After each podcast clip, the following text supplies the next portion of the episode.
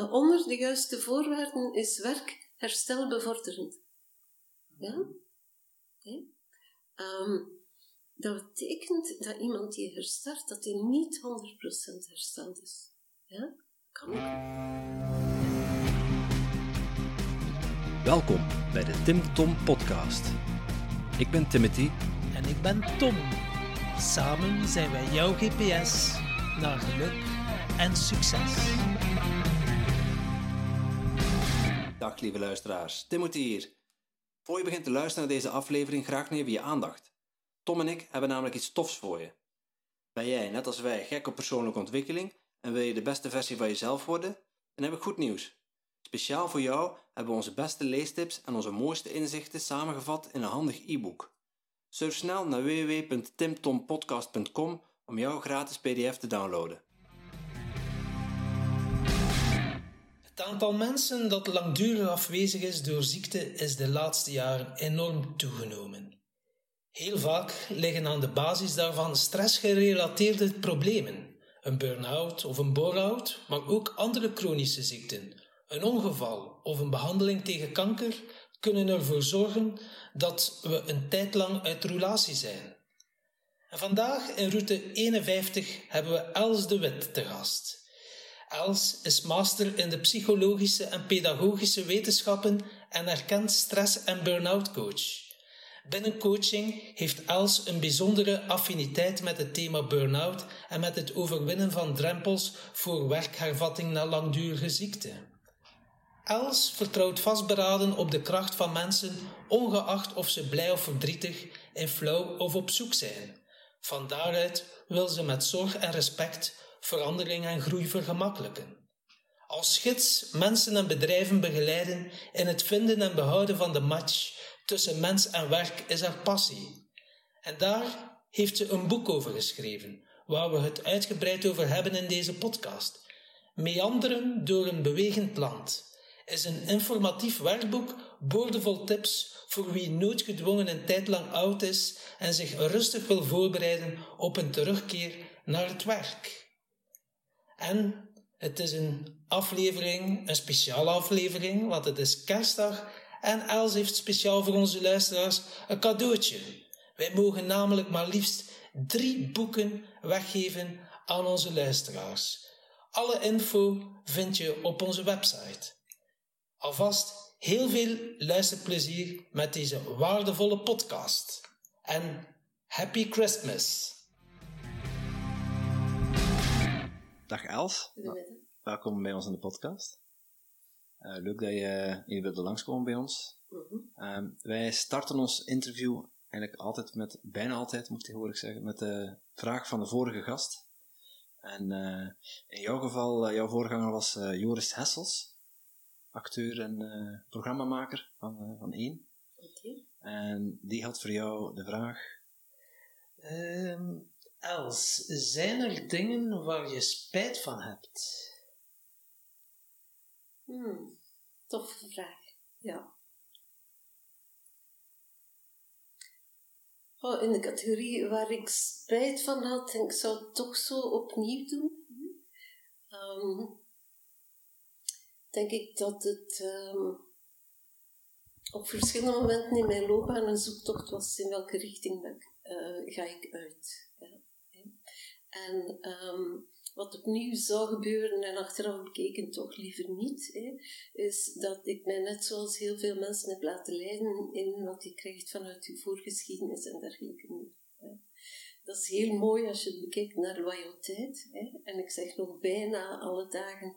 Uh, um, uh, reïntegratie, terug beginnen werken, is een um, uh, dat is een werf op zijn eigen en dan vertel ik daar altijd bij, ik ben in de bal geboren. Mm.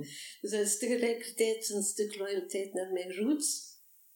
Um, en uh, langs de andere kant heb ik zoiets van, uh, misschien had ik sneller kunnen losbreken. Ja, misschien had ik niet zo braaf moeten zijn. Er waren een aantal dingen niet gebeurd, maar dan zat ik hier niet, of dan zat mijn dochter niet thuis en, en, en al die zaken.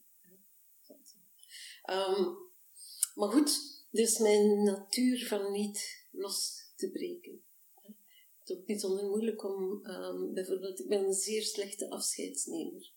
Ja? Ik doe dat vaak brutaal, onbeleefd, abrupt. Ja? Uh, loslaten, dat is echt niet aan mij besteed. Hè? En daar heb ik achteraf dan wel zoiets oh, ja. van, verdorie, zo oud en ik kan dat nu nog altijd niet. Dus het zou goed kunnen als de podcast die gedaan is, dat je gewoon geen afscheid neemt en dat je gewoon de deur uh, buiten wandelt.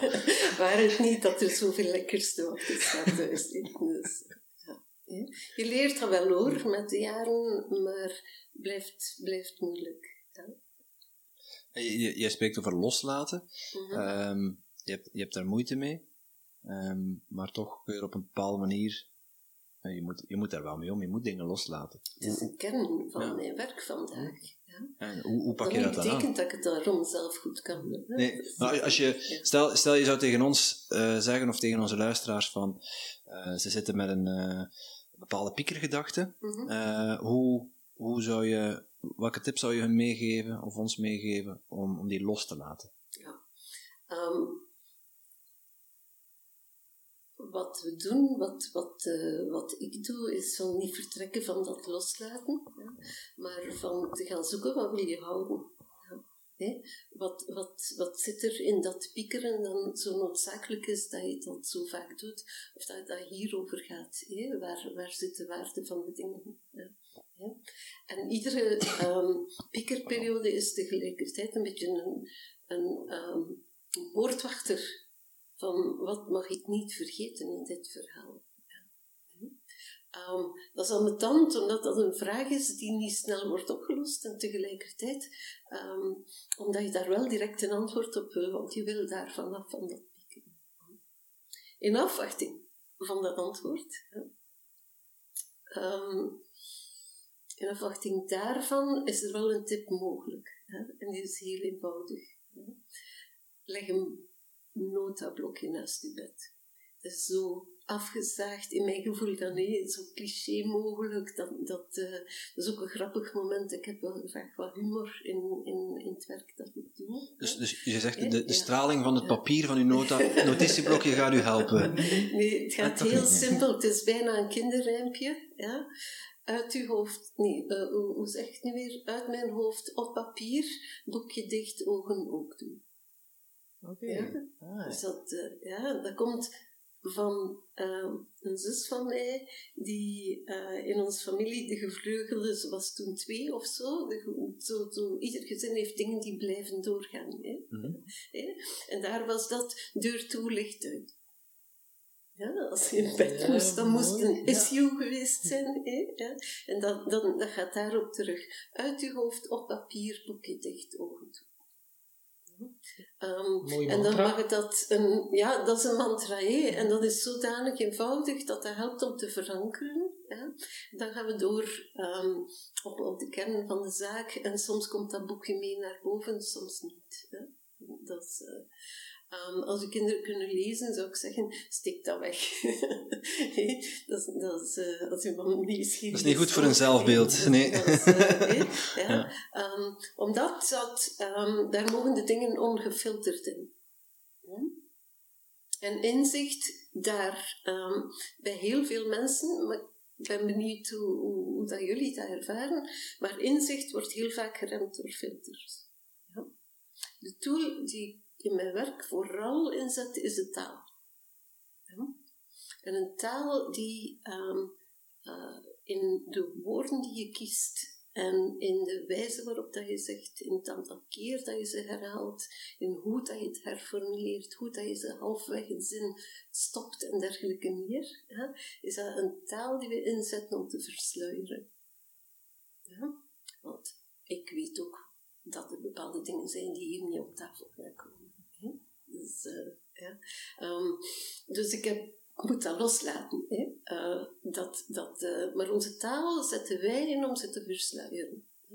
Wat ik probeer te doen is eigenlijk diep luisteren. Dat is daar die onderbouw van zoeken. Van welk thema wordt er niet genoemd? Waar wordt er Hè? Um, welk woord wordt er bijna gezegd dat je het, dat je het bijna in de lucht voelt hangen? Hè?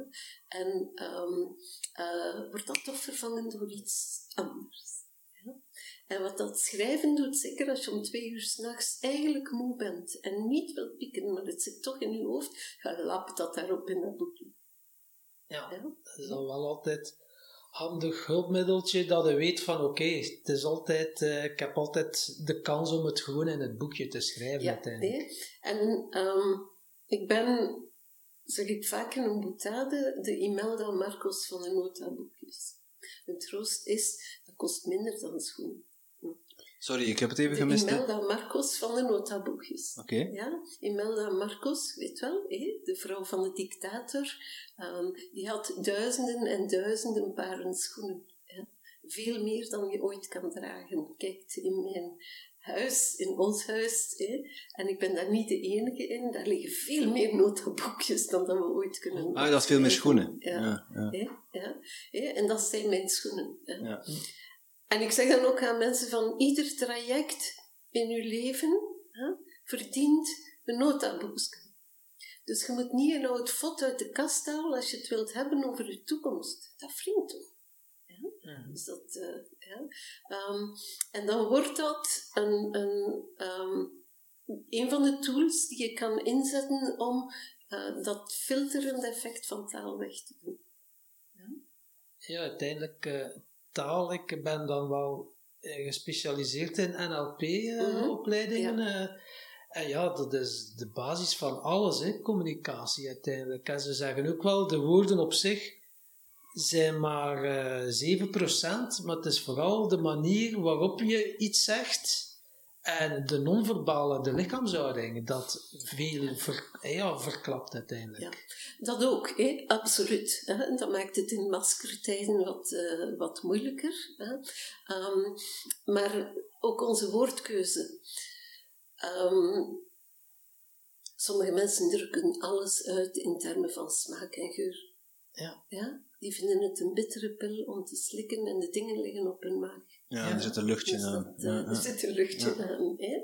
Dat, dat uh, andere mensen zitten intern um, in een enorme conflictmodus. En dan krijg je allemaal metaforen in die richting. Ja? Klopt. Dat, uh, en je hebt ook wel de mensen die dan dingen zien uh, door hun eigen ogen in beelden. En je hebt dan ook mensen die zichzelf zien in het beeld. Of dat je dan asso geassocieerd of gedissocieerd bent. Uh. Ja, dus, dat, uh, dus taal is een ontzettend mooie tool. Hè. Um, maar um, als we diep luisteren combineren met mooie reflecties... Hè, um, en wegblijven van adviezen, dan krijg je veel meer terug van de mensen. Als het goed is, springt dat bij mij direct naar de rode draad in mijn loopbaan. Um, en die rode draad is in wat ik ook gedaan heb doorheen heel mijn loopbaan. Ik ben toch al een jaar of dertig aan het werk, vrees ik. Um, ik was altijd meest geboeid door dat spanningsveld tussen mens en werk. Ja? Of dat dat in uh, nationale of internationale opdrachten was. Of dat ik voor een KMO of voor multinationals of ik zelf in HR zat, op welk niveau daarin ook, of, of als consultant. Hè. Um, wat ik ook deed, dat spanningsveld, dat is daar op een bepaald ogenblik in uw leven bij iedereen. Ja? Oké, okay, spanningsveld tussen mens en werk. Kun je dat uitleggen? Wat moeten wij daar ons bij voorstellen? Ja. Um, dat kan ruim gaan. Hè? Dat kan een spanningsveld zijn tussen ik als persoon en hoe ik nu naar mijn werk kijk, hè? wat dat werk met mij doet. En dan zitten we bij een van de basisfactoren van burn-out, waar we misschien nog wel gaan op terugkomen. Maar dat kan ook zijn dat um, uh, aan alles wat we doen zit een winst en een kost. Ja? En dat past niet altijd de dingen die we doen, de keuzes die we maken, die zijn bewust of onbewust gebaseerd op onze waarden. En die waarden die krijg je soms mee vanuit de geschiedenis en soms moet daar wat in kuisen. En, en, hè. Maar dat is een vrij stabiel geheel, de waarden. Hoe we ze ordenen en welke we laten doorwegen, dat varieert. Hè. Ja. ja? Um, dus um, dat kan ook zijn dat ik heel goed in mijn job zit, maar dat kost naar een andere waarde toe, um, dat die ervoor zorgt dat we daar een spanningsveld hebben. Heel herkenbaar. En, ehm, eh, maar dat spanningsveld heb je ook als je beslist van wat minder te werken, omdat je je wil focussen op een sollicitatie voor een andere job. Ja? Dat kan ook zijn als het apendruk is, hè? Um, dat je eigenlijk zegt, ik heb de job van mijn leven en het is mij beu, want ik moet ze vandaag achter een scherm doen de hele tijd, of um, ik wil eigenlijk ook wel eens op verlof. Dat, Klopt, uh, ja, want ja. als je dan houdt van vrijheid en je hebt een job waar dat allemaal structuur is en allemaal regeltjes, ja, dan uh, dat is wel de manier om uh, snel een burn-out te hebben, denk ik. Dan. Goh, dat is voor een deel waar? Um, maar houden van vrijheid en procedurematig werken, dat hoeft niet noodzakelijk in een polariteit te zitten. Dus dat, dat uh, um, er zijn uh, wijzen genoeg waarin dat je. Er zit heel veel polariteit in ons hoofd. Een heleboel dingen die wel compatibel zijn, die in ons hoofd niet verenigbaar zijn. Dus dat, dat, dat is vaak zo van, um, ik denk dit, dus dat betekent dat. Hè? Ja, en dan zit in het hoofdstuk, is dat zo? Een vaste mindset eigenlijk. Ja, een vaste mindset. Of als het dan weer over dat uh, versluieren gaat, hè, um, noem ik dat um, de wisselbeker. Hè. En dat gaat over een wisselbeker in de categorie wat maak ik mijzelf wijs. Ja. Mhm. En let op, mensen doen geweldig hun best om die wisselbeker te winnen. Ook een prestigieuze prijs ook, hè? Ja, ja. een prestigieuze prijs, maar voorlopig blijft hij nog bij mij, want ik ben daar kampioen. Ja? Dat, uh, als je zelf kunt wijsmaken dat elektrisch tandenpoetsen en ondertussen met een klant bellen dat dat samen gaat, dat die dat niet gaan merken, dat is, dat is een winnaar. Dus ja, ja je, je uh, wordt ja. wat je gelooft hè, en uh, je bent wat je gelooft uiteindelijk ook. En of dat, of, of dat dat dan klopt of niet klopt, je hebt altijd gelijk. Hè. Ja. Dat spanningsveld tussen mens en werk heeft ook te maken met de context, organisatie waarin dat mensen werken. Ja. En als je het hebt over mijn vakgebied vandaag, hè, toch al een, jaar of zes, zeven ondertussen, denk ik, hè, um, dan uh, zit je tegelijkertijd in een, in een verhaal van waarden, verlangens en dergelijke meer. En tegelijkertijd zie je, zit je in een heel realistische context. Met name, iemand valt uit, die moet terugkeren. Daar zit een heel transitieproces rond. En tegelijkertijd hebben we daar ziekenkas en uh, mutualiteit noemt dat zeker. Hè? Um, heb je mutualiteit, ziektebriefjes, uh, controleartsen, arbeidsartsen, leidinggevende takenpakketten, verplichtingen um, en, en, en al die Ik krijg al stress als ik eraan denk. Ja, ja. Maar dat is ook een spanningsveld hè? tussen een deel van de mens als mens en de hele context daar rond. Het kiezen van de juiste job, hetzelfde verhaal. En dan hoor ik uh, dus ja, langdurig afwezig. Mm -hmm. Tegenwoordig wat je heel veel hoort is burn-out of bore-out. Kan je voor onze luisteraars eens uitleggen wat dat precies het verschil is? Tussen de beide? De, ja, ja, tussen burn-out en ja. bore-out. Oké. Okay. Um, er zijn meer gelijkenissen dan verschillen. Ja? Uh, mag ik beginnen met de gelijkenissen? U ja. hebt alle vrijheid. Als mensen uitvallen, of dat dan nu gaat in het hele gamma van overspannen, over uh, werkt over vermoeid naar wat dat artsen dan surmenage noemen. Hè. Uh, je zult maar ziek worden en dat wordt op je doktersbriefje zien staan. Surmenage. Surmenage is, is weer in zwang, dat heeft de reden, hè, maar goed. Um, tot tot, um, uh, tot burn-out. Ja. Met andere woorden, over je toeren om het in, in, gewone woorden te zeggen, wat ook wel mooi is, um, dan zien we twee factoren terugkomen. En die ene factor is uitputting. Er gaat altijd een vorm van uitputting zitten. Mentale, fysieke uitputting. Vanuit dat mentale wordt de slaap verstoord, dat lichaam reageert. Er is niets wat niet aan iets anders raakt. Hè?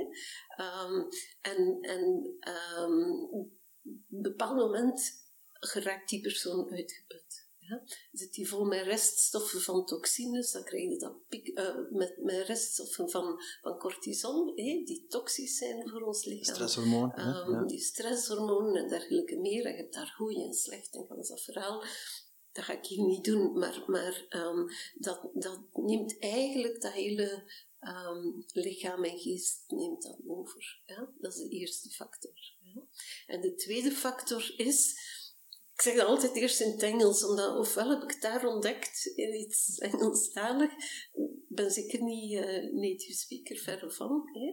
maar dat is een conflict of values. Ja. Een waardeconflict. Een waardeconflict met Nederlands heeft dat woord waarde, gaat dat heel snel naar geld en meetbaarheid en dergelijke meer. Hè? Terwijl dat een value, hè? Um, uh, uh, dat, dat, uh, ik vind het zo mooi in onze taal, waardevol en waardenvol. Ja? Je mocht u misschrijven, het is allebei mooi. Um, uh, dus dat, dat waardeconflict, wat dat intern of extern kan zijn, in combinatie met uitputting maakt dat mensen uitvallen. Op een manier waarvan dat we vandaag weten dat dat eigenlijk um, een druppelsgewijs trauma is. Ja? Wat we vandaag neurologisch, ik zeg we, maar dat ben ik niet, hè? dat zijn artsen en onderzoekers, hè? Um, die zelfs neurologisch kunnen detecteren uh, wat de link is tussen bijvoorbeeld burn-out en trauma. Een druppelsgewijs, ja. noem je uh, een druppelsgewijs trauma, zeg je? Ja. Um, hoe, hoe moet ik mij dat voorstellen? Ja. Een groot trauma kennen we, niet. 9-11, Zaventem, Um, dat, dat, is uh, het, het, het, verliezen van iemand en daar niet naartoe kunnen vandaag in, in, in de context van uh, COVID. Dus dat grote trauma, dat kent iedereen. Hè. De basisfactoren, maar ik ben geen trauma. Um, uh, geen traumatoloog, hoe noem je dat? Trauma, ja. dat is, dat is, maar de basisfactoren is, er is iets heel erg wat mij overkomt. Ja ik kan dat niet stoppen. En um, het is op een of andere manier um, onmogelijk voor een ander om erin te komen in wat ik doormaak. Dat zijn die kenmerken. En uiteraard, niemand van ons, zelfs niet de persoon die twee meter verder stond, weet wat Zaventem, die aanslagen gedaan heeft met die persoon. Um, ook al waren ze erbij en zaten ernaast, dan nog, wat dit met mij doet, dat is een absoluut unieke ervaring. In de eenigheid van het woord. Hè? Niet een uniek als zijnde, ja, dat moet ik hier doen. Hè? Dus, dus, um, dus, dat grote trauma, dat is duidelijk. En dat zijn die drie kenmerken. Hè? Mhm. Als mensen lang tegen hun eigen waarden ingaan, welke reden dan ook, en die waaier van omstandigheden is enorm, hè, dan um, geef je continu onbewust een eigen boodschap aan jezelf van dit is belangrijker dan mijn kern. Ja. En dan land je in een situatie waarin je zegt van wie ik ben is niet wie ik ben. En de eerste wie ik ben is dan wat ik doe, wat ik zeg, wat ik denk, wat ik verkondig, wat ik schrijf, wat ik toon um, uh, is eigenlijk niet meer in lijn met mijn diepe waarde voor mezelf. Over uh, waarde gesproken, hoe kunnen mensen hun, hun kernwaarden ontdekken? Dat klinkt door. Dat klinkt door in wat wij kiezen. Hoe ga jij bijvoorbeeld met hen aan de slag? Ja, wij met onze groei-GPS is dat ook een onderdeel om de kernwaarden te gaan ontdekken. Het is wel eens leuk om te horen hoe dat jij als iemand bij jou op traject komt en, die, en dat ja, waarschijnlijk is dat ook wel de basis, hè, want dat is uw fundering uiteindelijk hè, als persoon. Ja. Vanaf dat we samen in gesprek gaan, daarnet, ik kom hier binnen enzovoort. Hè, ja. Um, alles wat ik doe, alles wat ik zeg, ja, is waardegericht is beïnvloed door wie ik ben. Er moet iets van een estheticus in mij zitten, of iets van een genieter, want ik zeg van wat een mooie zonsondergang was het toch. Ja? Dus out of the blue, je hebt daar niet naar gevraagd en ik was ook niet van plan om dat te zeggen. Ja?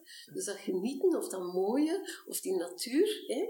Dus, dus uh, dat zit daarachter. Dus ja, jij, jij kwam binnen met die boodschap. Ik kwam binnen met de boodschap, amai, zo slecht weer vandaag. Het was echt, ik, had, ik had bijna een storm meegenomen naar binnen, dat is waar hè? Ja, klopt. Dus, maar het is ook perceptie natuurlijk, en wat je dan meebrengt. Ik ben benieuwd of er waarde dan bij mij onder ligt, maar... Ja, dat is, maar dat is de oefening. Hè? Um, en als dat twee, drie keer in een verhaal naar voren komt, hè, um, dan, uh, ja, dan, dan wordt dat bijna vanzelfsprekend. En wat ik doe met mensen is eigenlijk um, zo de haas in het korenveld. Als daar drie keer al twee oren op en neer gesprongen zijn, net boven de maailijn, ja, dan zeg ik, deze pak ik.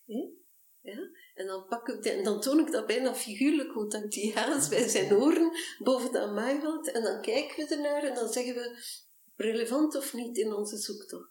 Ja? We geven hem een naam, natuurgezindheid, ecologie, rechtvaardigheidsgevoel, um, uh, autonomie, uh, gezinsmens, uh, genieter, wat dan ook. Paashaas. Ja. en, en, en we benoemen die en dat komt wel terug als dat deel uitmaakt van bijvoorbeeld dat waardeconflict. Ja, dus je pakt hem op, je kijkt ernaar, je geeft een beestje, een, beestje moet een naam hebben, je geeft hem een naam en je zet hem weer terug. Of? Afhankelijk, als we de naam weten, kunnen we voort. Ja. Dat, uh, reintegratie, dat is dus een, een, om het brugje te maken naar daarnet, dat is een heel praktisch, pragmatisch ding met veel, veel, um, ja, veel context en veel geregelen en papieren prutserij en al die dingen. Mijn woordkeuze heeft nu ver, verklapt hoe dat ik denk over, over administratie. Ja, ik, ik, ik, ik, kan de woorden, ik, kan, ik, ik kan de woorden complex, veel administratie niet koppelen met pragmatisch en praktisch. Ja. Wel, um, resultaatsgericht. Ja. Um, als iemand meer dan vier maanden ziek is. En um, nu we weten dat mensen die, hoe langer je ziek bent, hoe moeilijker de terugkeer naar werk is, dan hebben we er alle belang bij om um, te gaan naar vroeg contact. Uh, om um, samen te zoeken naar wat is de doelstelling van onze zoektocht. En voor mij is dat in eerste instantie is dat heel open en vrij. Dat is namelijk ervoor te zorgen dat je niet zomaar terug op dezelfde plek gaat zitten alsof dat er niets gebeurd is, maar dat we twee dingen kunnen bekomen, drie eigenlijk. En het eerste is dat je op uw plek valt. Dat kan dezelfde functie zijn, dezelfde leidinggevende, dezelfde taakinhoud. Dat kan een aanpassing zijn op een hele reeks van dimensies, maar dat kan ook zijn van, hier kom ik nooit meer terug. Mm. Ja? En alles daartussen. En dat is dan inderdaad heel moeilijk, want reïntegratie, ja, als je er dan achter komt, je hebt een administratieve functie en dan kom je erachter, maar ik ben eigenlijk helemaal niet een persoon voor op een bureau te zitten en dat administratief werk ja, je kunt moeilijk daar een job creëren dat die taken wegvallen dan. Je kan dat wel in bepaalde omgevingen, in bepaalde omstandigheden en in een organisatie daarmee wil, die daarmee wil naar zoeken. Ja, ja maar je moet wel flexibel genoeg zijn om daarin mee te kunnen bewegen. Maar je kan ook zeggen van, en nu komt mijn werf naar voren, ja, hè, uh, herstarten na langdurige afwezigheid is een werf op zijn eigen. Dat wil zeggen dat dat al veel vraagt. Je moet terug in structuur, uh, je lichaam, je draagkracht. Um, we leren uh, hoe je jouw recuperatievermogen kan monitoren. Dat zit ook niet in onze cultuur ingebakken. Waardegericht denken sowieso. Daarover vertellen, dat verhalen, dat zit ook niet in onze cultuur in. We zitten niet meer samen met ons bommen aan het kampvuur, bij wijze van spreken.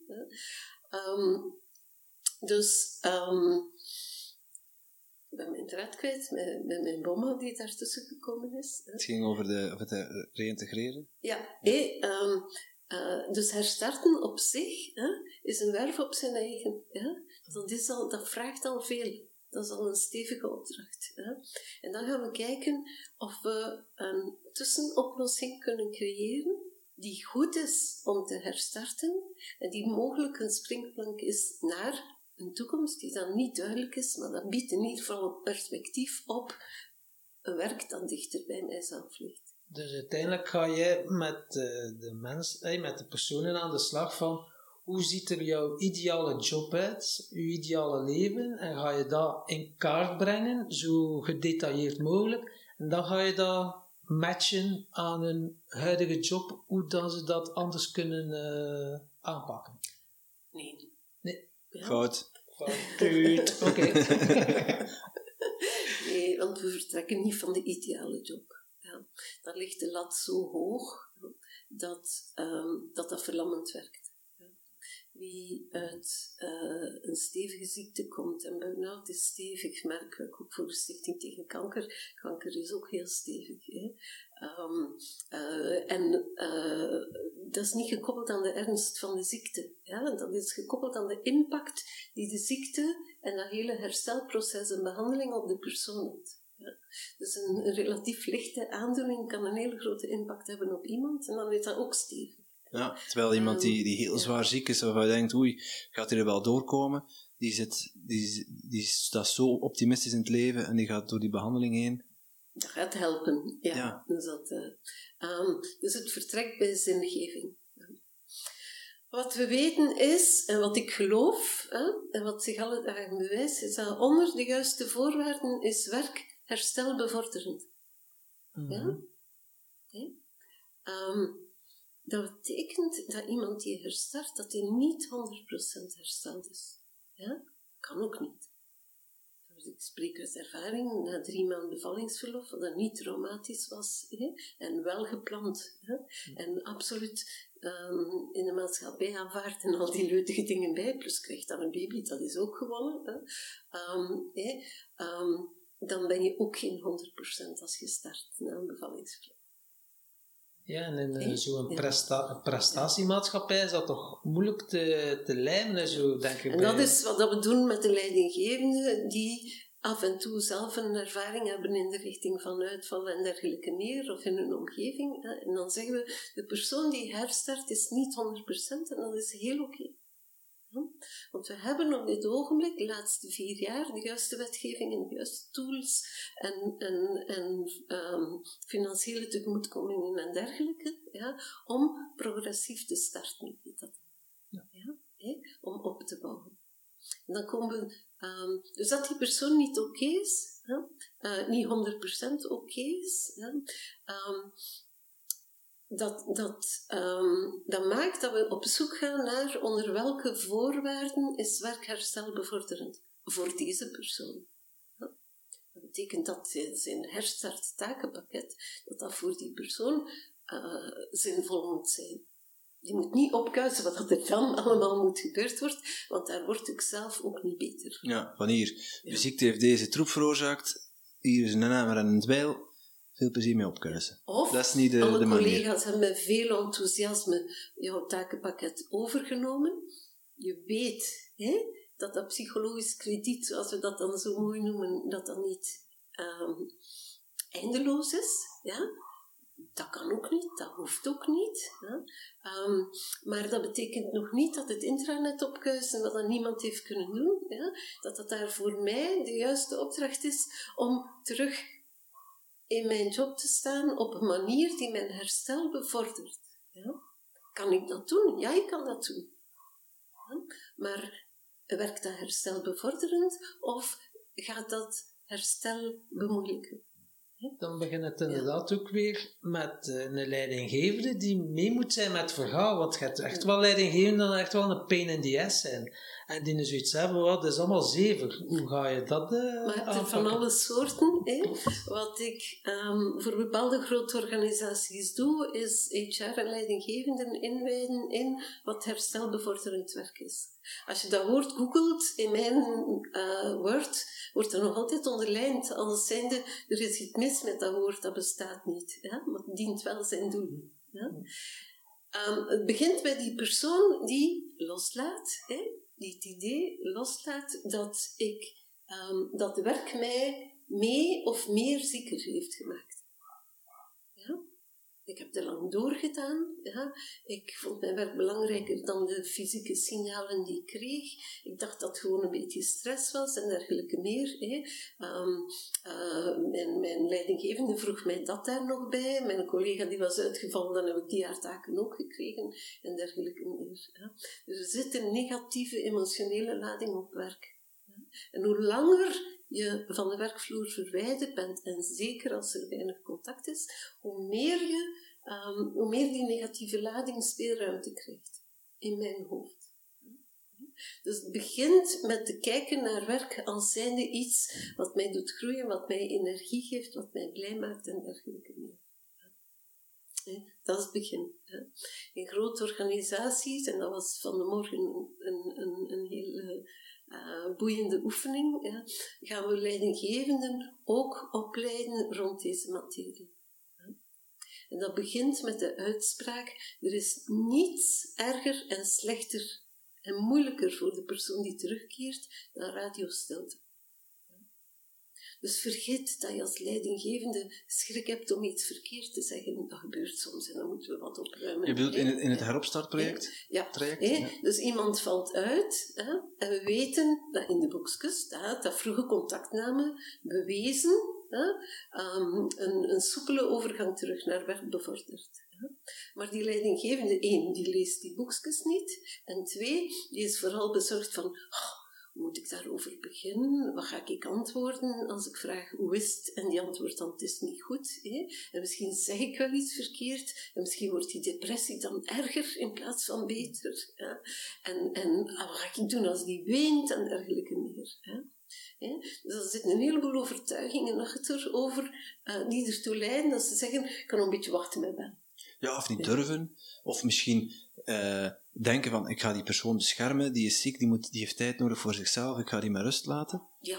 Uh, maar aan de andere kant vergeten ze dat, dat die werknemer of die, ja, of die freelancer, hè, dat die ja, misschien gedacht heeft van, zie je wel, uh, ik heb een burn-out gekregen omdat ik het veel te druk had en mijn baas ziet mij als een nummerke en neemt niet eens contact met mij op om, om te vragen hoe dat met mij gaat en zie je wel wat voor slecht werk het is en het is allemaal de schuld van, uh, van, en van absoluut, en die dynamiek die gaan we doorbreken. Dus dat visuele cirkeldenken, dat, dat wil je doorbreken. Ja, en dus dat is werk aan beide kanten. Er zijn een paar basisprincipes in dit verhaal. Hè? Dat luisteren, dat werken rond waarden, dat hebben we, dat hebben we aangeraakt. Um, drie basisprincipes voor de persoon zelf. Dat is één, doseren. Ja? Toffe oefening als je zo'n goalgetter bent. Ja? Twee, geleidelijkheid. Ja? Gaat ook al helemaal in lijn met de snelheid van onze maatschappij. Hè? En drie, niet vergelijken. Dat is een toffe oefening hoor. Dus dat... Uh, ja. Dat doseren, dat begrijp je, want dat is rechtstreeks gekoppeld aan um, die uitputting. Ja. ja. Dus in vergelijking met, uh, met je auto tegen 200 per uur en dan toch niet gas terug willen nemen voor de bocht te pakken. Ja, ja. dat, dat is, uh, ja. Um, in, in, in diezelfde lijn heb ik dan een, een andere vergelijking en dat is van vroeger moest een auto ook roderen. Ja? Dan reed er op de hele snelweg reed er een na 70 per uur met een gloednieuwe wagen. Ja, dat moest inrijden of zoiets. Ja? Dat is lang geleden. Um, um, maar goed, dat is, dat is doseren. En iedereen heeft de mond vol over grenzen stellen en, en minderen en, en dergelijke dingen. Hey, consum minderen en, en vertragen en al die dingen. Hey, dat gaat nog. Dat tweede, die geleidelijkheid, hè, dat is ook geen gemakkelijke. Maar dingen die abrupt zijn, um, die gaan in tegen de basisbehoeften van iemand die ernstig ziek is geweest. Dat is namelijk een behoefte aan veiligheid, voorspelbaarheid en zekerheid. Dus aan de ene kant zeg je, dat trauma is druppelsgewijs binnengekomen mhm. bij die persoon. Mhm. En dan moet je dus eigenlijk ook druppelsgewijs terug uitweken. Ja, ik heb nog nooit zo bekeken, maar het klinkt mij zeer logisch. Ja. Dus door daar erkenning te geven en dergelijke. Reintegratie is niet therapie. Hè? Heel mooi afgebakend vanaf wanneer we doorverwijzen. Ook al zitten er in mijn vakgebied veel mensen met een master in psychologie en alle aanverwante richtingen. Dat is, uh, dus we zitten niet in het therapeutische. Als dat trauma zodanig groot is, ongeacht of dat dan nu brusk of druppelsgewijs was, um, dan, en, en dat verstoort het volledig functioneren, dan verwijzen we door. Ja? Maar iets benoemen en plaatsgeven, dat is soms al de helft van het verhaal, dat is de haast die we boven het maaiveld trekken. En de derde factor, hè, doseren, uh, geleidelijkheid, en de derde is niet vergelijken. Ja? Niet met jezelf vroeger. Toen kon ik alles. Toen kon ik vier dingen tegelijk en nu krijg ik mijn krant niet gelezen. Um, toen, in die tijd. Dat, is, met jezelf vroeger niet vergelijken, met de collega's die niet ziek geweest zijn. Maar iedere, um, ieder gevecht dat we leveren met verwachting die we niet kunnen invullen, is eigenlijk een vergelijking. Ja? Want een verwachting is de norm die we zelf leggen. Of dat die nu reëel is of niet, hè? je legt een norm. Ja? Dus, dat, dus, als ik denk, mijn leidinggevende gaat raar kijken naar mij, gaat dat aan mijn tand vinden dat ik op een dag, in de eerste maanden na mijn terugkeer, maar vier dossiers doe. Of in mijn vak vier gesprekken. Ja? wat ook al veel is, maar dat weten jullie. Um, of maar twee, of maar zoveel, of maar zoveel. Dan is dat één, heel vaak niet afgetoetst bij die leidinggevende, vergeet te vragen. hè. En twee, je legt daarbij de norm, de lat voor jezelf vrij hoog. Ja. En dan niet vergelijken, hè. Um, dat is een oefening, dat is een eeuwigdurende oefening. Je moet je eens afvragen hoe vaak dat we dat doen. Maar mag ik dan, mag ik dan concluderen dat als je enerzijds uh, introvert bent aangelegd, uh mhm. -huh. en anderzijds perfectionist bent, door eender welk ja, voor, voorval uit je, uit je jeugd dan ook, uh, dat je dan eerder vatbaar bent om, om, om uit te vallen. Omdat je dan die twee voorwaarden, zoals je net zegt, de lat heel hoog leggen en ja, daar niet over kunt communiceren met je, met je leidinggevende? Er zijn versterkende voorwaarden, absoluut. Maar als je gaat kijken over veel trajecten, ja, dan blijven dat toch die uitputtingen, die dat waardenconflict, die je zeer regelmatig tegenkomt. Ja, die uitputting op, op lange termijn, over je eigen grens heen, of, of een, verkeer, met een verkeerde waarde in het vizier. Lange eh. termijn plots. Um, um, sommige mensen kunnen twee jaar iedere nacht wakker liggen om te pikken, anderen zijn na twee maanden al um, uh, in, diep in het rood aan het gaan. Nee? Dus dat, dat, dat verschilt van persoon. En dan de tijd om te herstellen, ja, daar heb je ook geen handleiding bij. Ik denk dan toch wel de ene persoon bij de, de andere, dat de, de hersteltijd dan toch wel ook serieus verschilt. Absoluut, ja. En daar moeten wij gewoon mee leven, maar dat betekent niet dat iedereen zit af te wachten tot die persoon zich weer helemaal beter voelt. En, en in, een, in een actief reïntegratietraject gaan we eigenlijk um, bepaalde fenomenen uh, zien gebeuren, monitoren, bepaalde talen die we detecteren, hè, die allemaal indicatoren zijn uh, die naar een herstart toe gaan. En zo zie je bijvoorbeeld hè, dat er minder behoudstaal komt en meer verandertaal. Ja? Meer ver? Verandertaal. Ja? En dat is heel erg eenvoudig te detecteren, als ik het u verklap. Hè. Dat is willen, kunnen, reden hebben en nodig zijn.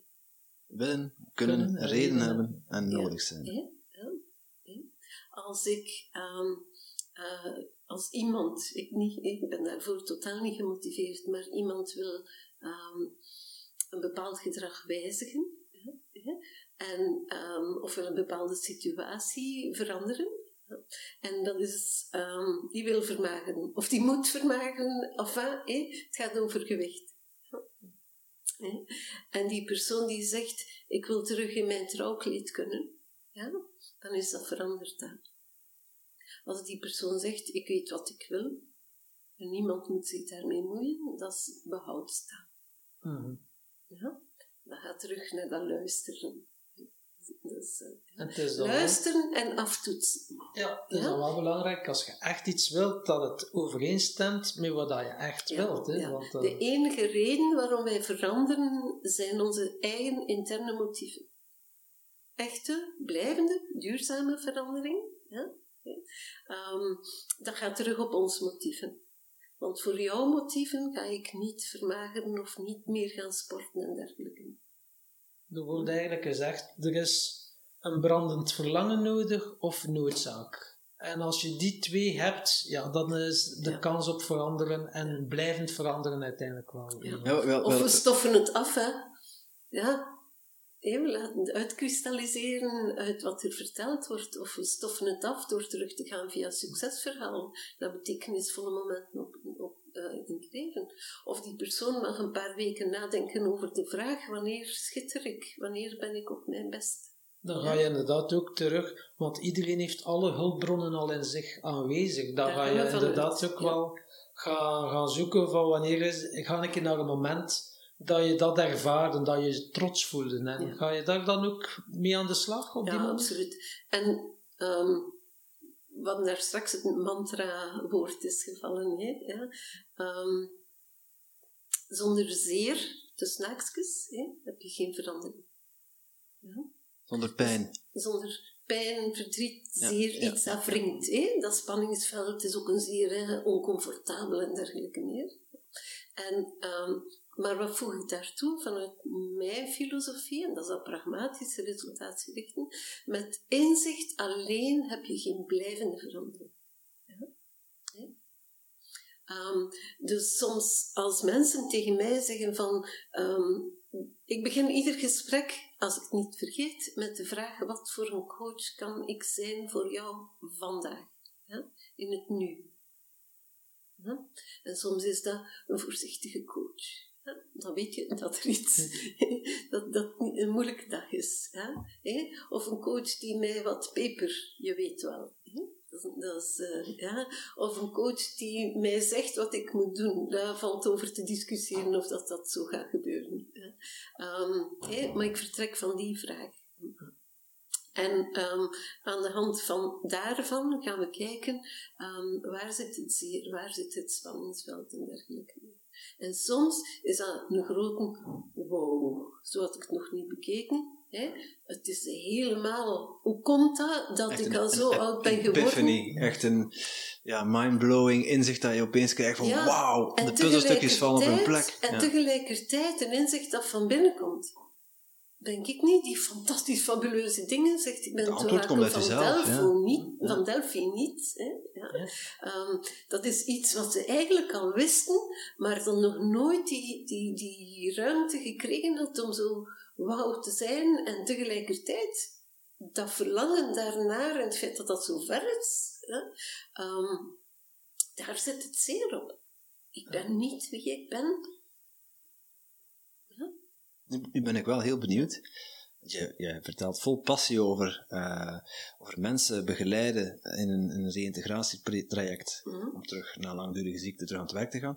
Maar waar komt bij jou die, die passie vandaan? Waar, waar heeft het bij jou in het verleden zeer gedaan, waardoor je ja, die omslag gemaakt hebt naar te doen wat je nu doet? Ja.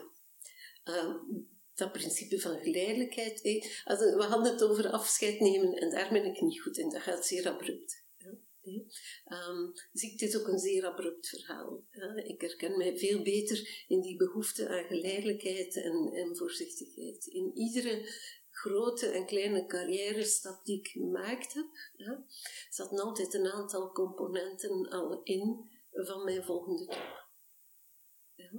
En dat is een constatering, dat is helemaal geen bewust verhaal. Ja. Um, maar ik um, uh, met, met uh, alles van coaching en één op één begeleiding en dergelijke meer, um, weet ik dat toen ik in internationale werving en selectie werkte, dat die persoon, als die de job niet ging hebben, dat mijn basisprincipe van transparantie daar legde. Als ik het niet wist, wist ik het niet. Hè? Als ik er drie goede had, dan zei ik van ja, we zijn niet de enige. Hè? Ik heb wat tijd nodig om, om, om, om dat te verwerken. Maar als dat nu helemaal niet was, dan ging ik niet die persoon laten vertrekken. Hè? En dan, terwijl dat hij nog maar net achter de hoek was, al opschrijven, grote nemen. Hè? En dan dacht ik van ja, oké, dus dat kan ik niet zo um, uh, een pokerface hebben en, en dan zeggen van um, u hoort nog van ons. Ja. Dat is mijn stijl niet. Ja. Um, dus dacht ik van ja, dus moet ik iets zeggen. Hè? En dan kon ik dingen zeggen zoals, er zijn factoren die niet overeenstemmen, we hebben ze benoemd, er hebben er ook andere genoemd, hè. Um, maar in het globaal, hè, uh, in de globale benadering weet ik niet of we er gaan geraken. En om dat te verzachten, nam ik dan twee, vijf, zeven of zeventien minuten tijd met hen om te zeggen, heb je al in deze richting gedacht? Of ben je er u van bewust dat dit en dat en dat, dat dat in al uw jobs terugkomt? Ja? Um, dus dus uh, in mijn werk, wat dat, waarbij dat je naar selectie kan kijken als zijnde meten en wegen en een oordeel vellen, ja, kwam daar bij mij nog altijd een wagonnetje van loopbaanadvies achter. Ja, zo een beetje het kompas zijn of zo voor absoluut. de mensen. Ja. En nu, door dat woord te zeggen, breng je een herinnering naar boven bij mij. Ja?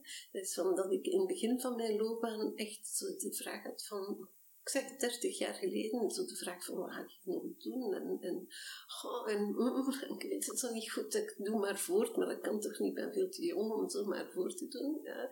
En toen was er in Leuven een organisatie, Koningent, hè, um, een organisatie die heette Kompas. Ja, en die deed de huidige loopbaanbegeleiding aan van la. Maar ik woonde in Gent. Ik werkte in Ukkel, wat al ver was. Hè. En dan nog van Ukkel naar Leuven. Je verstaat dat ik s'avonds niet op tijd terug naar Gent kom om dan de volgende morgen te gaan werken. Dus ik had een goede vriend die uh, uh, in Leuven woonde. Hè. Dus ik ging elke keer een, uh, bij hem logeren als er zo'n gesprek was. En in een van die gesprekken zei die mevrouw tegen mij, maar weet je dat werk op zich een waarde is? Zegt meer nog. Weet je, dat werken voor u een van uw kernwaarden, een van uw topwaarden is. Ja? Ik vond dat zo'n opluchting. Mijn leven mag op een zinvolle manier in het teken staan van werken. En ik denk dat daar de basis gelegd is voor mij om te werken rond dat spanningsveld tussen mens en werk. Werken op zich is een waarde. Ja? Mensen die niet willen werken, ja? Dat vind ik bijzonder moeilijk. ik weet niet waarom dat ze bij mij zouden komen, maar ik weet niet of dat, zo, of dat we ver zouden geraken. Ja, werken kan een negatieve connotatie hebben, maar je kan het ook iets in de wereld zetten of zo, Of, uh, of bijdragen. Ja. Dus in het begin van ieder traject zitten waardenoefeningen van wat brengt werk mij?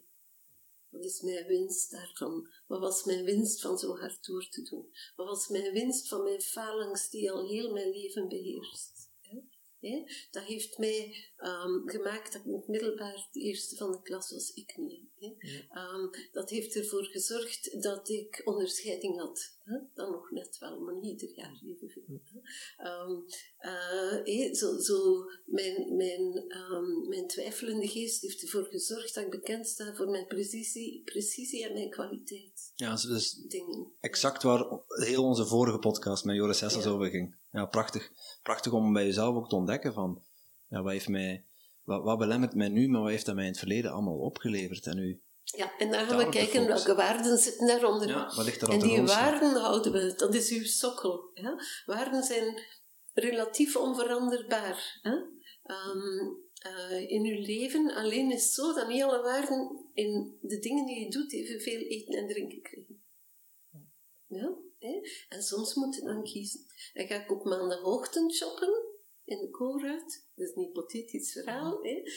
Um, dan ga ik allemaal gezonde voeding, want gezondheid en voeding en, en hey, als je werkt rond energiemanagement, hè, um, wat dat ook zo'n gemeenschappelijke factor is tussen burn-out en bore-out, um, uh, dan, dan land je ook op dat domein van voeding. Ik verwijs daarover door, maar ik geef dat wel aan hoe belangrijk dat is. Hè.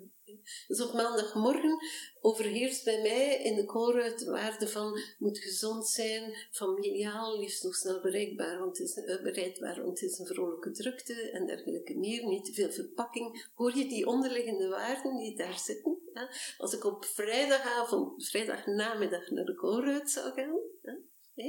dan neem ik allemaal gezellige dingen. Ja? ja? Want dat is waar dat we dan als gezin behoefte aan hebben.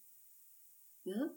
En een keer dat ik dat door had, vond ik dat fantastisch. Ja, want nu kan ik zonder schuldgevoel de vrijdag allemaal lekkere, maar half gezonde dingen kopen. Er echt een bron, dat komt niet op tafel. nu zijn het gezonde, gezellige dingen. Ja. nu zijn het gezonde, gezellige dingen.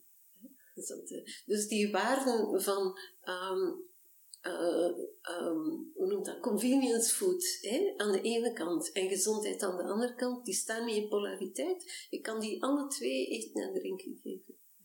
Dat is in, in een heleboel dingen die we doen. Ja, dat, boeiend. Ja. ja. En daar ontwerken, daar begint een verhaal bij, met succesverhalen. En daar gaan we kijken naar de context. En dan komt daar vanuit de buitenwereld het bericht van de uh, controlearts die zegt van nee, nee, nee, je moet toch herstarten. Of komt het bericht van de behandelende arts herstarten in een tijdelijke job? Hoe noem jij dat? Proeftuin? Nee, nee, nee, komt over drie maanden nog maar eens terug. Geen sprake van, nee, ik zet je nog altijd voltijdsziek. Um, dus je hebt altijd dat stuk beleving van de persoon, wat dat boeiend is. Dan heb je dat stuk context, organisatie, financiële beslomeringen bijvoorbeeld. Ja? Um, je kunt daar Instagram-gewijs fantastische dingen over zeggen, ja? maar de meeste mensen moeten een lening of betalen. Helaas wel. Dat is, dat is uh, ja, helaas wel, maar gelukkig ook. Of gelukkig, maar dat wel. zorgt ervoor hè, dat je geen overgrote risico's gaat nemen. Dat is altijd die poortwachter in onszelf. Ja. ja. Ja, want als je een lening moet afbetalen voor een, een hypotheek bijvoorbeeld, uh, betekent wel dat je de luxe hebt gehad om een huis te kopen. Bijvoorbeeld. Maar, ja. En daar zal je ook wel hopelijk een rekenmachine voor gebruikt hebben. Om daar de keuzes in te maken. Dat, dat hopen we. En dat, zie je, dat, is een, dat, is een, um, dat zijn twee sporen waarop dat je tegelijkertijd mag werken. En voor die persoon is dat veel, voor ons is dat boeiend. En, en als je dat wat kunt ontrafelen en dat bedrijf daarbij betrekken, dat draait volledig rond dialoog. Uiteindelijk is het, ja, wij mensen, wij zijn net als batterijen. Hè. Als je meer verbruikt dan dat de oplaadt, ja, op een keer ga je gewoon uit. Ja, alleen is het zo dat um, als je het beeld van een emmer gebruikt, energie in, energie uit, of beeld van portemonnee, hè, geld in, geld uit, dat um, uh, zeker in het geval van burn-out, dat mensen op een bepaald moment het idee hebben van die rekening klopt hier niet. Ik giet hier van alles in hè, en ik haal er niet te veel uit. Hè, en toch zakt de waterlijn in die emmer. Hè, Hij is lek. Um, Met de hatje ja, in. hè. Ja. En dan gaan we kijken waar zitten de energielekken. Ja. En de energielekken, dat draait rond waardeconflict. Ja, dat is eigenlijk een heel simpele vraag. Dat komt heel veel terug in onze podcast. Van, oké, lijst een keer op. Wat geeft jou energie en wat kost jou energie? En die oefening die is al zo bekend. Er is bijna geen leidinggevende of HR enzovoort die dat niet kunnen. Er zijn al zeer veel mensen die daar zelf over lezen. Er zijn gelukkig zeer veel boeken over geschreven. Ja, maar toch is... Zijn, Het vertalen naar energielekken in Wauw. de zin van wat zit er onder de waterlijn? Hè? Wat ervoor zorgt dat de rekening niet klopt. Hoe goed en flink ik ook bezig ben. Dan krijg je zo'n schuldgevoel, maar ik doe alles goed en het gaat toch niet enzovoort. Ja. Wat daar onder de waterlijn zit, dat zijn dingen ehm, die, we, die we in een traject soms naar boven trekken. En als je dat boven de waterlijn trekt, dan zit er nog altijd een gat in je emmer. Ja? Zeker. Maar de impact op het waterniveau is veel lager. Maar je kan inderdaad wel, wat kost je energie, wat geeft je energie, maar je mag dat dan ook wel doortrekken naar personen. Ja. Welke persoon geeft je energie en de welke Ja. kost je energie? Ja, absoluut. Ja. En als je dan natuurlijk een chef hebt die je vooral energie kost, ja, dan is het natuurlijk wel... eh, Het goede en slechte werknemers, je hebt veel goede en slechte chefs. Hè. Ehm, wat we vandaag zien in bepaalde organisaties, is dat leidinggevenden de kans krijgen om ehm, dit, dit, dit hele verhaal van reïntegratie, om daar, net zoals dat ze een alcohol- en drugsopleiding moeten volgen, en net zoals dat ze een ergonomische opleiding en weet ik veel wat, hè, dat ook dit thema gaan deel uitmaken van leiderschapstraining. mm. Want de, de, ehm, de cijfers van langdurige ziekte zijn zo schokkend.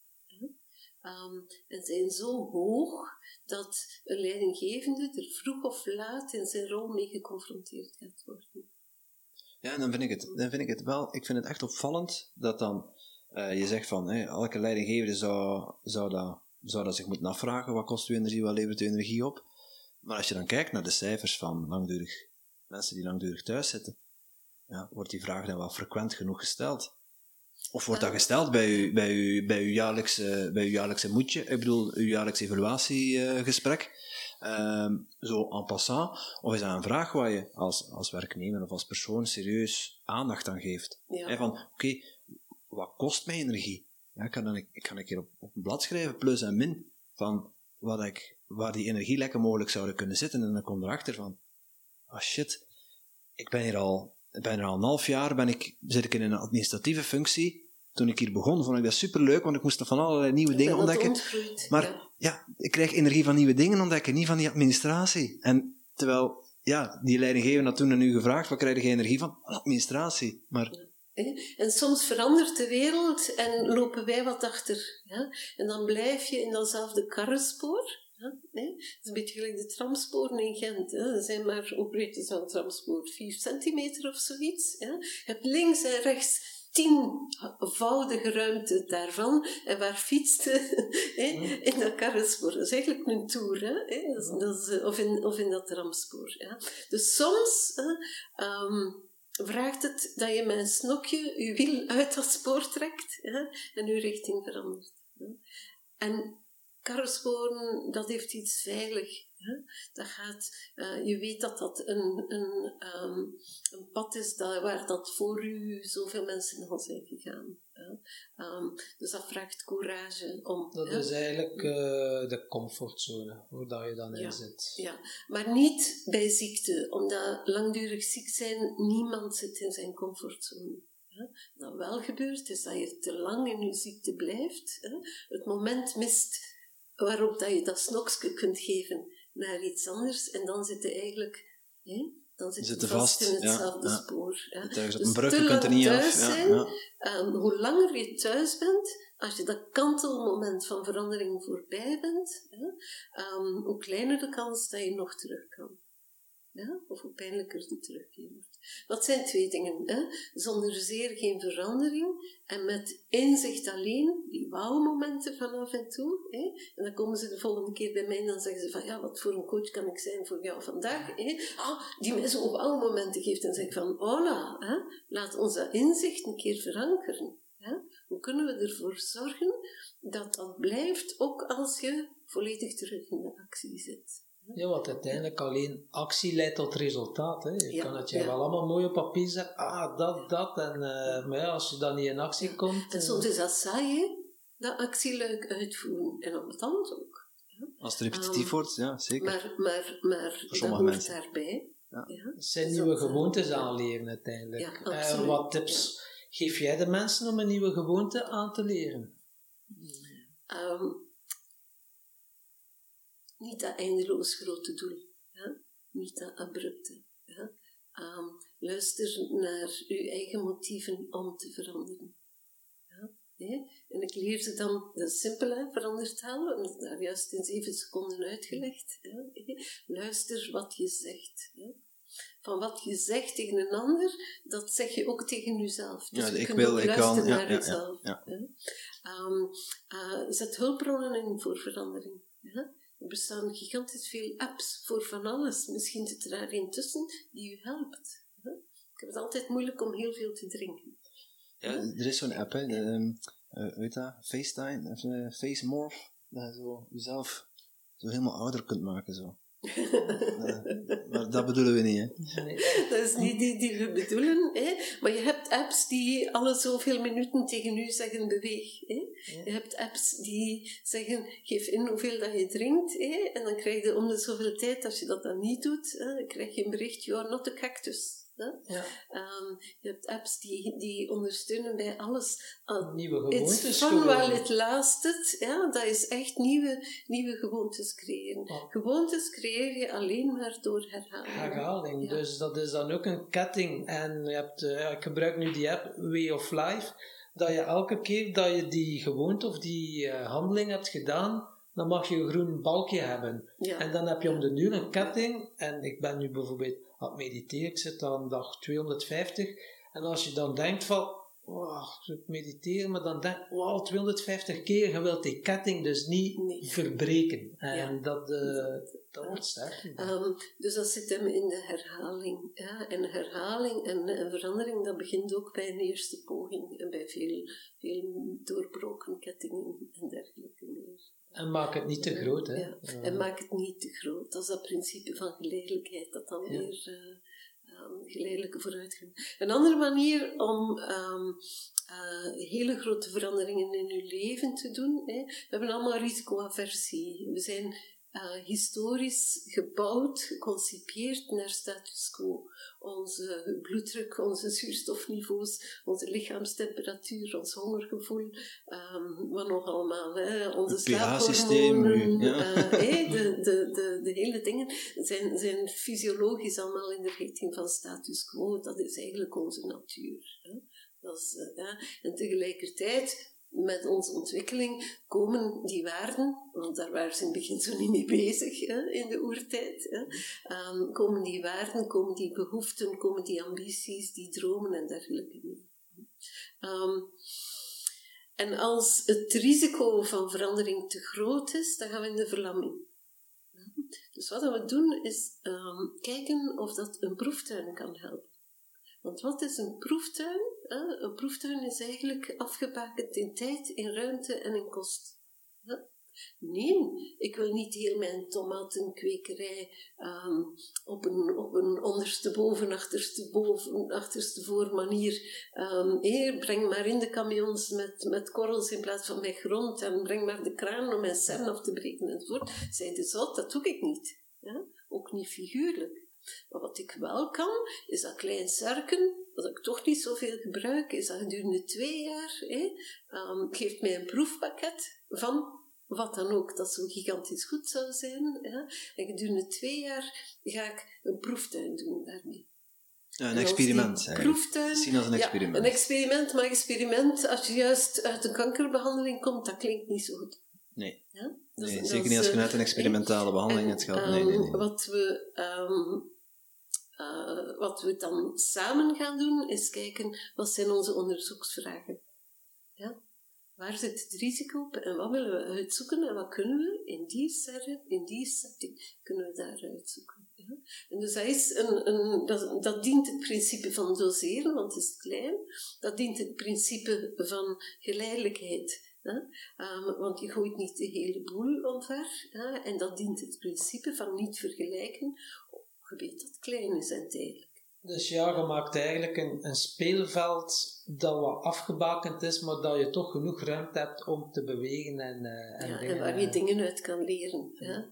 En um, een proeftuin kan ook nooit mislukken, want het is een proeftuin, dat is voorzien om te mislukken op bepaalde vlakken. Ja, dus je mag eigenlijk zelf je spelregels bepalen. Wij bepalen de spelregels en dat, die zijn gebaseerd op wat die persoon nodig heeft. Hè? om, het, om, om ja, wat er van belang is als factor. Ja, dan is cirkeltje eigenlijk weer, weer rond. En dan is die cirkel weer rond. Ja, mooi. En dan is die persoon, ja, terug gelukkig. En onze podcast gaat over geluk en succes. Uh, wat betekent voor jou geluk? Wat is jouw definitie voor geluk? Um, oh ja, ik weet het niet. Ehm, en als je het wel zou weten, wat zou je dan zeggen? Ik denk dat het gekoppeld is aan dankbaarheid. Dankbaarheid. Ja.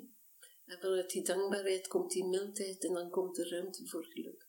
Ja. Dat is mooi. En het is ook gekoppeld aan um, kleine en grote dingen.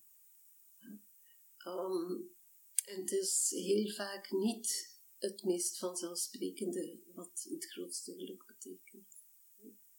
Um, Maar het, is die, dus, het is zonsondergang die, je nog, die je nog mocht genieten voor het donker. op dat moment was dat echt mijn geluk. Dus je weet dat ik te laat vertrokken ben. Dat ik een vol hoofd had. Dat het een uh, stevig jaar is geweest. Want hey, van corona en depressie en dergelijke meer. En wij zaten nog met een deadline, iets dat af moest. Dus eigenlijk was het voor ons een godsgeschenk dat je een kwartiertje later was. Maar dat heb je niet gezegd. Niet alles verklappen. dus dat, dat, uh, ja. Nee, we zaten vol smart te wachten. Ja. en, en, en, maar, maar, maar daarover gaat het. Hè? Ja? Ons brein heeft niet zoveel tijdsbesef. Tijdsbesef, dat halen we uit licht en donker, dat halen we uit hongergevoel, dat halen we uit ons uurwerk, uit wat dat andere mensen doen en dergelijke meer. Ja? Ons brein is eigenlijk super gevoelig voor, voor moment. Ja, je maar één moment, dat is nu. Hè? Ja, en, dat, dat uh, Um, en dat was dan. Ja? En dan, dat telt. Um, en soms moet het s'avonds een beetje langer zoeken, waar ben ik vandaag blij om? Wat, uh, waar werd ik vandaag um, dankbaar of gelukkig van? En er zijn dagen dat je vreselijk ver moet zoeken. er zijn dagen dat ik de oefening niet doe. Dat je vertelde van, ja, je hebt, ik weet niet hoeveel uh, notitieschriftjes, heb je dan ook een dankbaarheidsschriftje waar je elke dag... Uh... Dat zit zodanig in mijn routine. Er zijn een aantal dingen die ik aan mensen leer. Um, en uh, zoals bijvoorbeeld in het moment zijn en dergelijke meer, de positieve kant bekijken en dergelijke meer, dat dat, dat, dat, dat uiteindelijk walk the talk, hè? Dat, dat is, uh, ja, er ligt geen schriftje naast mijn bed, maar dat is nog niet zo lang. Ja? Um, er is altijd wel ergens een plekje geweest. Hè? Er is ook een tijd geweest dat ik dat um, uh, eerder in een foto zou uitdrukken. Ja, dat is ook mooi. Een beeld uitdrukken. Ik stel mezelf s'avonds altijd de vraag van, uh, was vandaag een goede dag? En dan kan ik daar mijn eigen invulling aan geven. Mm -hmm. Maar er is ook ruimte voor om het geen goede dag te laten zijn. Ja. En dat is ook oké. Okay. Um, maar dan ga ik wel op zoek naar, hey, onlangs, oma, mijn, mijn oma is overleden. Um, ja, op de afscheidsdienst, s'avonds, ik kan niet zeggen dat dat een goede dag was. Ja, dat, dat gaat niet. Ik kan dat niet, ik kan, ik kan afscheid nemen van mijn oma niet verenigen met een goede dag. Maar zat daar goede elementen in? Ja. En was dat een belangrijk moment? Ja. En ben ik dankbaar dat ik dat moment heb mogen meemaken, dat ik samen met mijn familie de gelegenheid heb gekregen om afscheid te nemen? Ja, wel degelijk. En dat is een vorm van geluk en dat zorgt ervoor dat dat bij u sneller in verwerking zal gaan dan wanneer dat dan niet mogelijk zou zijn. Dat is, dat is uh, um, goh. Ik denk dat, het, dat er altijd wel kleine dingen zijn. Ja, die kunnen, maar er zijn ook dagen, ik was dan zeggen daarnet van, dat ik gewoon mijn deken over mijn hoofd trek en zegt, ga weg met je onnozele oefeningen. Vandaag doe ik het niet. Ja, ik heb zo Tom zijn, zijn, zijn dochter een paar keer horen zeggen, ja, hij is dat wezen. En is dan, is dan Mr. Zen, van rustig, rustig, hè, maar uh, ja, dat gaat niet altijd. Het gaat goede en slechte dagen. Ja, dat is wel een spiegel, zo een dochter hebben van uh, 19. Dat ja. is uh, ja. 16 is ook mooi. Ja, zeker, maar uh, ja, het is je krijgt zoveel inzichten van, van je dochter uiteindelijk. En als de communicatie goed zit, maar je triggert elkaar enorm. Omdat je ja, elkaar spiegel zet en je weet elkaar hoe dat je ja, ja. het bloed van onder de nagels naar boven kunt krijgen. Ja, ze heeft het van u geleerd. Ja, inderdaad. Ja. en jij kunt het weten. Ja. Dat, uh, ja. Um, je had het net over, over succesverhalen. Ja. Uh, nu ben ik wel nog benieuwd, wat, wat is voor jou succes? Wanneer, wanneer ben, ben jij succesvol? Um, ik dacht dat dat was een boek schrijven. Omdat in mijn omgeving zei altijd, jij moet een boek schrijven. Je kan dat wel verwoorden enzovoort. Hè? Daar ligt hij dan. Hè? Um, maar dat is uiteindelijk niet geworden. Te zeggen, het gaat niet over of dat, dat boek succesvol is. Maar is dat een van mijn succesverhalen geworden. Alleen maar omdat de omgeving mij daaraan herinnert. Ja. Um, ik heb favoriete anekdotes.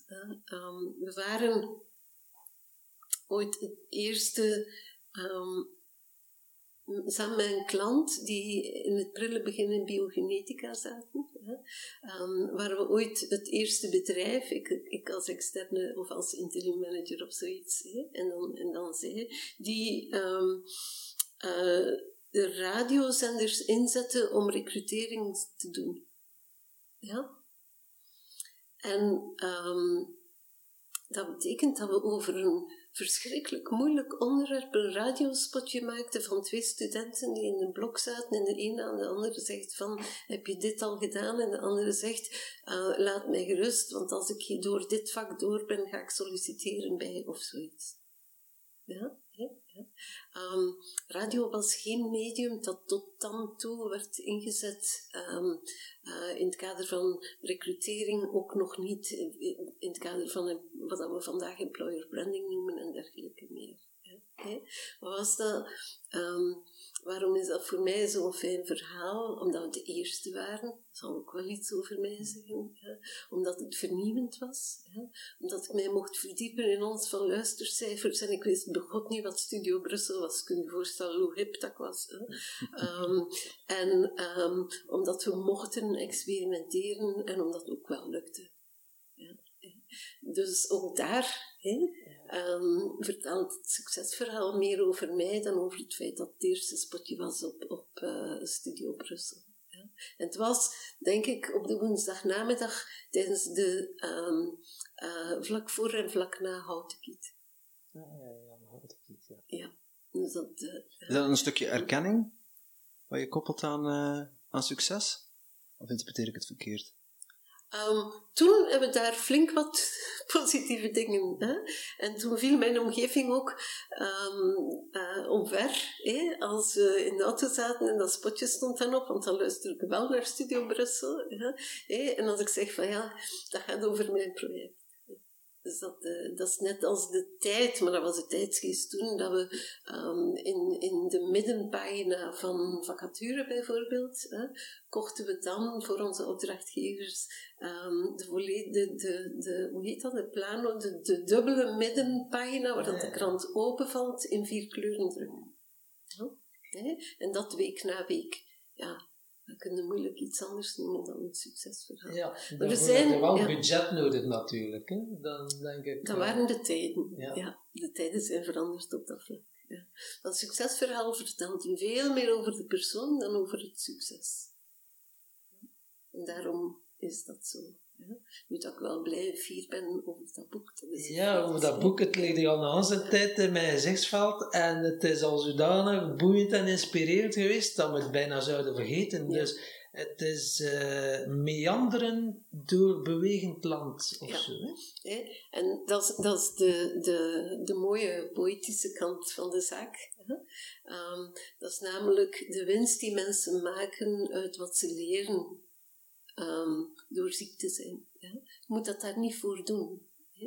Er zijn andere manieren ook om dat te leren. Hè? Je kunt je laten coachen, dan weet ik veel wat. Hè? Je kunt een wereldreis maken. Hè? Maar als het u toch overkomt, hè, dan, um, uh, dan kun je net zo goed maar winst opmaken. Ook in de value-zin van het woord. Hè? En dan met anderen... Um, er zijn een paar dingen aan een, aan een meanderende rivier. Je laat dingen achter en je neemt dingen mee. Ja? Aan de ene oever laat je achter wat je los kan laten, en aan de andere oever pik je dan weer mee wat daar op jou ligt te wachten. Vandaar dus voor komt jou dat is dat wel makkelijk, ja. want jij kan heel makkelijk afscheid nemen. er zit altijd iets onder. Hè? En um, die meanderende rivier, dat zijn eilandjes van hoop en eilandjes van verdriet. Hè? En je moet op de beide afstappen. Ja? Want als je niet door de moeilijke dingen gaat, hè, dan, um, ja, dan ga je oude gedrags- en denkpatronen, die belemmerende denksporen en tramsporen waar we het over hadden, hè, die ga je meepakken in een gewijzigde context. Dan kan het inderdaad wel tsunami worden, hè, als je alles, uh, alles gaat vermijden met verdriet of wat daar pijn op zit. Als ja, je dat ja. jaren aan een stuk doet, kom je inderdaad wel... Dambreuk heb je dan. Ja, dat is... Uh... Um, en omdat je daarnet vertelde van, van uh, het overlijden van uw oma, mm -hmm. hè, waarvoor mijn oprechte deelneming, um, je kan moeilijke dingen ook mooi doen. Ja? En je dat is een kan. andere... Je kan moeilijke dingen, zelfs de allermoeilijkste dingen, kan je ook mooi doen en goed doen. Ja, absoluut. Ja. En dan heb je een definitie van geluk, niet in de zin van wat heb ik kunnen oogsten, maar wat heb ik kunnen bijdragen. Ja? En nu valt mij de Frank, dat is toch een simpele vraag. Wat is voor jou geluk? Hoe lang heb ik nu gedaan om daar het antwoord op te vinden? Hè? Um, geluk zit in de zingeving. Zit niet in um, resultaten van het een of het ander. En dan denk ik dat je, dat je, als het zinvol is voor mij, dan word ik daar gelukkig van. Ook al is dat moeilijk of lastig of niet tof of saai. Ja, ja dat is eenvoud. Dat is ook wel mooi. Ja. Dus geluk is voor u eigenlijk zingeving of betekenis geven. Ja. ja. Dat, uh, en daar rond draait mijn werk. Ja, betekenis geven uiteindelijk. Ja, de realiteit is, ja, je hebt een afgesproken realiteit. Ja, bijvoorbeeld dat je zegt van oké, dat is een stoel, je spreekt dat samen af, dat is zo. Mhm. Dan heb je ook de vervormde realiteit. Ja, de ene kan dan een mooie stoel vinden, de andere een lelijke stoel. En dat is dan jouw realiteit. Ja. En zo kijkt iedereen door een andere bril naar de wereld. en je ziet de wereld niet zoals je is, maar zoals je bent. Ja. En als we heel hard werken, um, en zelfs in moeilijke omstandigheden en dergelijke meer, ja, dan, um, maar het is zinvol wat we doen, in lijn met onze zin, met onze waarden, ja, dan is de kans op een burn-out uh, veel kleiner. Ja, dus toch in zijn huidige vorm. Dus uiteindelijk, als je in overeenstemming leeft met je waarden, heb je een waardevol leven, doe je dat niet, heb je een waardeloos leven. Hm, het zal zeker niet zo voedend zijn. Ja? Het kan ook zijn dat je bewust kiest om je eigen zin opzij te zetten voor een ander, maar dat is ook een vorm van zingeving. Ja, dat is waar. ja, ja, tuurlijk. En daar, en daar zit in dat veld, als je het hebt over, um, uh, als je het hebt over werken rond identiteit en werken rond waarden met mensen, um, dan uh, zit je in een veld dat zo'n hele mooie inslag van filosofie heeft. Klopt. En het slachtoffer, want ja, mensen die slachtoffer, maar mensen, zijn ook wel mensen die onbewust graag slachtoffer zijn. Want dan hebben ze aandacht, oh, en dan krijgen ze een soort compassie, en dan hebben ze iets, hm, dat komt mij eigenlijk wel goed uit, dat ik uh, blijf in dat slachtofferrolletje zitten. Ja. Hoe ga je dan de mensen daar, ja, dat, je kunt die er Kijken naar kost en winst, op korte termijn en lange termijn. Ja. Um, wat heeft er gemaakt hè, dat je deze houding, deze overtuiging die daar rond zit, dat je die al zo lang meedraagt? Want dan moet winst op zitten. Ja? Hè? Dat is, dat is, uh, en uh, soms is dat schrijnend. Door, door, door slachtoffer te zijn, ja, kreeg ik de noodzakelijke aandacht van buitenaf die ik in mijn gezin niet kreeg. Soms is dat, um, ja, dat heeft geleid tot, en er zijn altijd dingen waar dat toe leidt, want anders houd je een gedrag niet vol.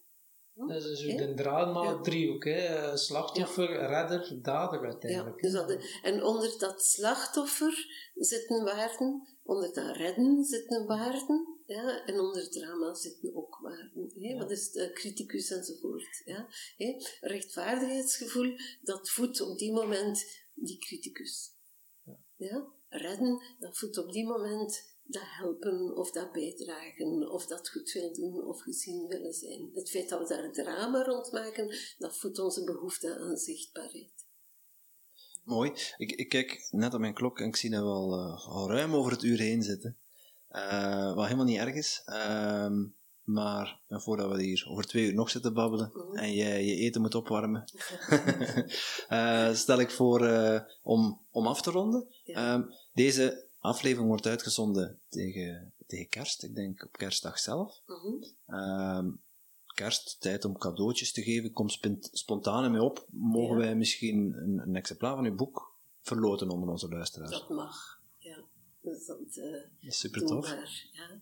En drie ook, hè, want anders is het weer drie, de kijk, one and only. ja, ja. Ehm, het principe van geleidelijkheid, hè, denk ik dat dat, eh, hè, of kleine stappen zetten of de kans verhogen, denk ik dat goed is. Hè. Dat is mooi. Dus doe dat maar gerust. Dankjewel. Dankjewel. Als mensen meer willen weten over jouw boek, ze kunnen zich, ze kunnen zich natuurlijk inschrijven op, eh, op, onze, op onze website om een kans te maken. Ik zal een, een link aanmaken, www.timtompodcast.com slash els.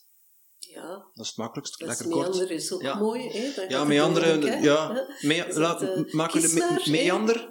Dat maakt niet uit. Hè. Voor mij ook niet. Wat, ja, meanderen voelt, meanderen voelt goed. Of Dus something else. Tim, timtompodcast.com slash meander. En eh, schrijf je daarin om, om, om kans te maken op, eh, op, op een van de exemplaren van het boek.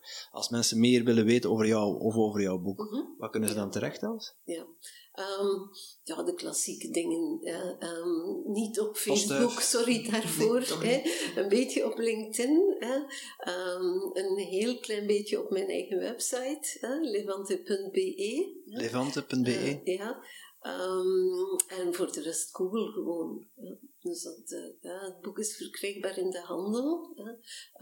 Maar het boek is ook rechtstreeks eh, bij mij verkrijgbaar. Ja. Meanderen door een bewegend landschap. Ja. Mooi. Tot slot nog een laatste wijsheid. Oh, Eh, oh, de vraag voor de volgende gast. Ik vrees dat al, want ik... Voilà. Ja. bijna vergeten. Ja, corrigeer me maar Tom. hè. Ja, dus eh, jij mag een vraag bedenken voor de volgende gast. Mhm. We weten nog niet wie dat het is. Ah.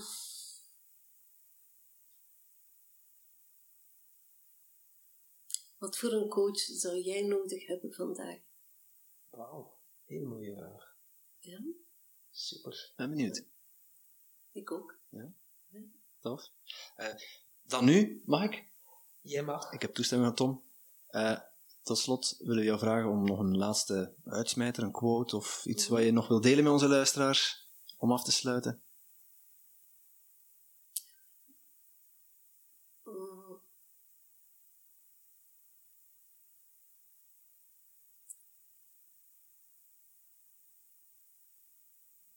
Zou, ik zou teruggaan op ehm, doseren, geleidelijkheid en niet vergelijken. Mooi. Prachtig. Dankjewel. Dankjewel. Dank voor je tijd. Goed? Oké, we willen je echt van harte bedanken voor dit eh, heel inspirerende gesprek. Dankjewel voor de uitnodiging.